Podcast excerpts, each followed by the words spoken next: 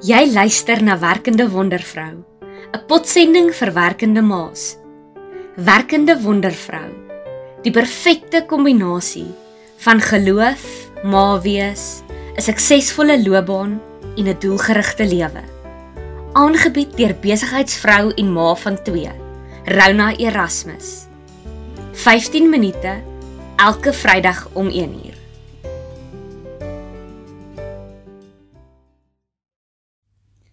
Hallo. Ek is Rona Erasmus. 'n Werkende ma net soos jy. Ek glo dat ons as vrouens geskape is om 'n lewe in oorvloed te leef. Jou drome is belangrik en dit wat jy doen, alles behalwe irrelevant. Welkom by my potsending, die werkende wondervrou. Soos meeste ander paartjies was ek en Wikus head over heels verlief gewees in die begin daarvan ons verhouding.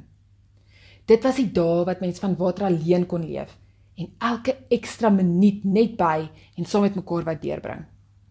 Niks anders het saak gemaak nie en tyd het kompleet gevoel of dit stil staan. Onder die invloed van dopamine, dit wat deur jou brein vrygestel word wanneer jy verlief is, het ek en hy mekaar plegtig beloof dat ons vir ewig en vir altyd so verlief sal bly. Dat ons die uitsondering op die reël sal wees. Dit sou uiteraard nou fantasties gewees het om vir jou te kon sê dat ons steeds in daardie staat van euforie leef, maar helaas. Die realiteit het ingeskop en ons het besef dat as ons steeds die verliefdheid aan die gang wil hou, ons 'n daadwerklike keuse moet maak elke liewe dag om mekaar lief te hê ongeag wat rondom ons gebeur. 'n Diep liefde het die storm en drang van verlief wees so stilletjies kom vervang En as ek vandag met jou kan eerlik wees, kry ek steeds skoenlappers in my maag so elke nou en dan as ek na my man kyk. Kyk, ons kan ook lekker koppe stamp en by tye het ons albei net so 'n bietjie spasie vir mekaar af nodig. Maar sulke tye is gelukkig few and far between en die grootste gedeelte van ons huwelik is werklik 'n vennootskap. My man is sonder twyfel my veilige hawe en die persoon wat ek die nodigste en die liefste het in die hele wêreld. My twee seentjies is net so 'n kort koppie agter hom. Ek besef dat ons in 'n tyd leef waar huwelike verblokkel en mense gereeld die makliker uitweg kies. Maar ek wil nie vandag fokus op die seer en die verwoesting wat ook in sulke nabye verhoudings gesaai kan word nie. Vandag wil ek eerder 'n bietjie met jou gesels oor die idee van spanwerk in 'n huwelik. Want sonder spanwerk kan ek en jy maar vergeet om ons volle potensiaal as 'n werkende mamma te kan bereik. Ons kyk die ander aand 'n episode van MasterChef waar die deelnemers in 'n span moet saamwerk om 'n feesmaal vir 'n hele groep mense voor te berei. Nou kyk, dit is reeds genoeg om my angs en spanning te gee. Een van daardie deelnemers sukkel so bietjie om in 'n groep te kan saamwerk. En haar frustrasie is baie duidelik. Die seentjies kyk op daardie stadium saam met ons en die oudste vra toe waarom die tannie so kwaad raak.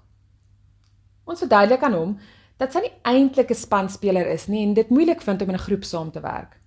Hy het net sy kop geknik en verder Lego gespeel. Ons het net klaar gebid voor ete toe hy vir ons vertel dat hy ook dink spanwerk nou nie sy ding is nie. Dit frustreer hom geweldig as die ander maats in die span nie wil saamwerk nie en hy dan daaronder lê. Ek en Wikus moes ons heel beste gee om vir hom te verduidelik waarom dit so belangrik is om wel van jongs af te leer om saam in 'n span te kan werk. Jy weet mos daar's sulke oomblikke in mense ouerskapsreis dat jy besef dis nou maak of breek. Sy pa het rustig met hom gesels oor die voordele van spanwerk. Dat hy sy hele lewe lank nog saam met mense gaan moet werk of hy nou van hulle hou of nie, um, om 'n gewenste uitkoms te kan bereik. Ek het myself vergaap aan my man se insig en al wat ek kon uitkry is: "Onthou Boetie, teamwork makes the dream work." Hierdie gesprek het my net weer laat besef hoe ongelooflik belangrik spanwerk is. En jy mag dalk dink dat ons dinge by tye beter op ons eie kan doen. En in sommige gevalle is dit dalk die waarheid, maar wanneer ons alles altyd alleen aanpak, kan en sal die lewe 'n baie eensaam, gejaagde, vervelige en onvervulde plek wees. Vandag wil ek bietjie met jou gesels oor die belangrikheid daarvan om jou man as 'n gelyke vennoot in hierdie werkende mamma reis te beskou en te hanteer. Ons almal het hopelik 'n gemeenskap of 'n tribe wat ons ondersteun en help en opbou. Maar geen geld kan die emosionele ondersteuning en gedeelde ondervindings wat jy en jou man deel koop nie. En niemand anders kan daardie baie belangrike rol in jou lewe vul buite die persoon aan wie jy trou beloof het nie. Nou ek gaan dit nou maar vandag openlik aan jou erken. Ek kan nie alles doen wat ek doen sonder my man nie. Daar is geen manier wat ek werkende mamma wees kan aanpak sonder my partner in crime nie. En weet jy wat? Ek wil ook nie. Ek wil al my hoogte en laagtepunte met iemand kan deel wat my liefhet, ongeag my prestasies of mislukkings.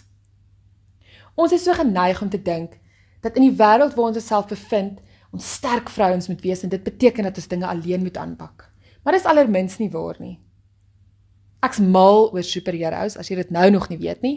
En ehm um, as jy nou selfs na hulle kyk en na hulle stories kyk, dan leer jy dat selfs die superheroes mense rondom hulle nodig het. Ander heroes om hulle te help en hulle te lei en hulle te ondersteun. Nou ek het baie vriendinne wat sê dat hulle mans nie betrokke genoeg is in die kinders se lewens nie. Dat die grootste verantwoordelikheid van ouerskap swaar op 'n vrou se skouers rus. Ek's bitter lief vir hierdie vriendinne van my.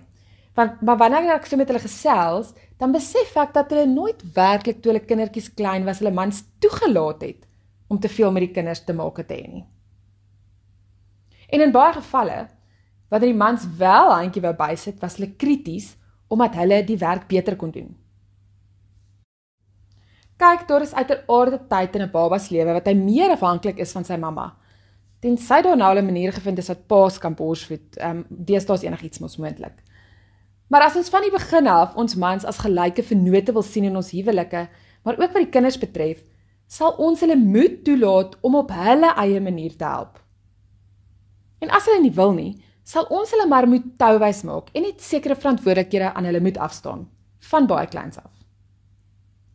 Sheryl Sandberg skryf in haar boek Lean In dat wanneer vrouens vir vra hoe hulle hul mans kan kry om werklik 'n co-parent te wees, sy altyd vir hulle sê dat sy haar man moet toelaat om die baba se doek op enige manier aan te sit. Solank as wat hy dit self doen. Want wanneer jy jou man dwing om dinge met betrekking tot die kinders op jou manier te doen, sal jy kort vir lank alles weer self doen. As jy 'n ware vennootskap en ouerskap wil hê, moet jy jou man as jou gelyke hanteer. 'n Gelyke wat in staat is om die kinders net so goed soos jy kan grootkry. Maar kom ek draai gou die horlosie so 'n paar jaar terug. As jy jonk getroud is en nog nie kinders het nie, is dit nou die perfekte tyd om met jou man verskillende gesprekke te voer. As jy nog net in verhouding is of dalk al verloof, nog beter. Hierdie is maak of breek gesprekke wat mens moet hê. Gesels oor jou drome en aspirasies. Praat oor jou verwagtinge van mekaar, wat julle beroepe, toekomstige kinders, huislike take en tradisionele rolle insluit. Dit is ook belangrik om mekaar se temperamente en mekaar se liefdestale te identifiseer. Ek lees die ander dag 'n quote wat sê: I'm not an early bird or a night owl. I'm some form of permanently exhausted pigeon. Jesus, ek het lekker gelag. Maar die belangrikheid hierin lê dat jy moet weet of jy en jou toekomstige man 'n oggend of 'n aand mens is. Want dit kan 'n baie groot verskil maak in hoe mens ook jou take verdeel. Mens moet tot 'n vergelyk kan kom waarmee albei gemaklik voel. Dit moet 'n wen-wen situasie wees en die een party moenie voel dat hulle iets opgee sodat die ander party kan wen nie. Onthou dat 'n vennootskap en vir alle huwelik altyd gefokus moet wees op hoe albei partye kan wen. As jy soos ek nou al jare getroud is en kindertjies het en nog nooit met jou man oor die tipe goed gesels het nie, is dit nou die tyd om dit te doen. Dis nooit te laat om belangrike nuwe rotines en maniere van dink en doen te implementeer nie. Maar dit is wel makliker as dit van die begin af al in plek is. So moet asseblief nie te lank wag nie. Nou dis een ding om van jou man te verwag om 'n spanmaat te wees wat jou ondersteun en help. Maar dis iets heeltemal anders om self so 'n spanmaat te wees. Ek weet nie of jy onthou nie, maar jare terug was daar 'n boek en ek dink daarna 'n film ook, Fireproof. Dit gaan oor 'n vrou wat besluit om vir 40 dae haar alles te gee om haar huwelik te red. Kon moontlik 'n man ook gewees het, ek kan nie nou mooi onthou nie. Maar die persoon leef vir 40 dae dit wat sy of hy van haar man of vrou af verlang. Sy word dus dit wat sy graag in haar huwelik wil sien. Nou hierdie konsep het my nog altyd bygebly. En ek het vinnig besef dat om van my man te verwag om 'n ondersteunende lewensmaat te wees, sal ek dit eers moet raak. So kom ons kyk gou 'n bietjie hoe lyk so 'n ondersteunende lewensmaat. Jy gun die ander persoon om self besluite te neem.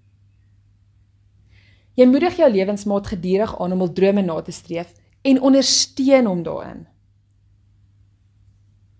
Jy laat hom belangrik en gerespekteerd voel. Daar is intimiteit in julle verhouding.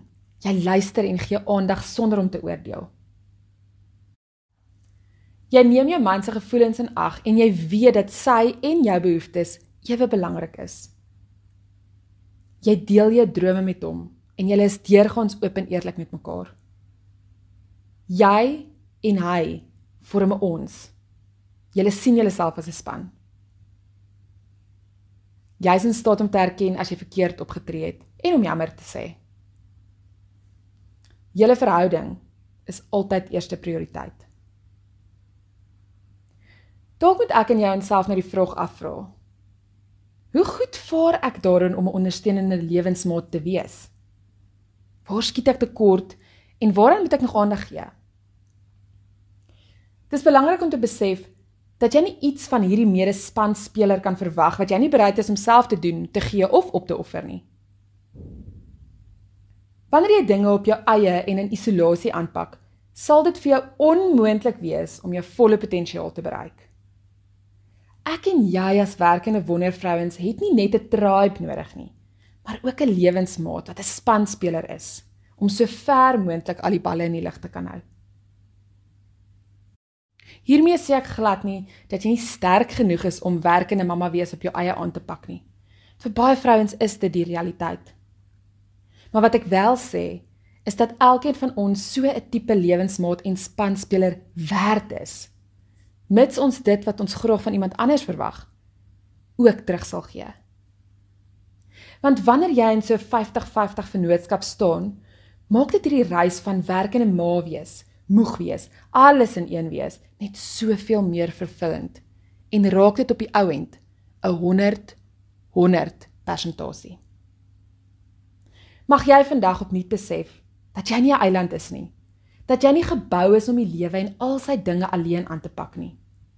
En as jy vandag om watter rede ook al alleen voel, mag jy weet dat jy, liewe wondervrou, vandag by die Skepper se voete kan gaan sit en dat hy al die versigtings van jou hart sal aanhoor en op sy tyd uitkoms sal bring. Baie dankie dat jy aan jou besige skedules so 'n tydjie afgeknyp het om saam met my te kuier. Ons maak volgende week weer so. Selfde tyd, selfde plek. Ek sien uit.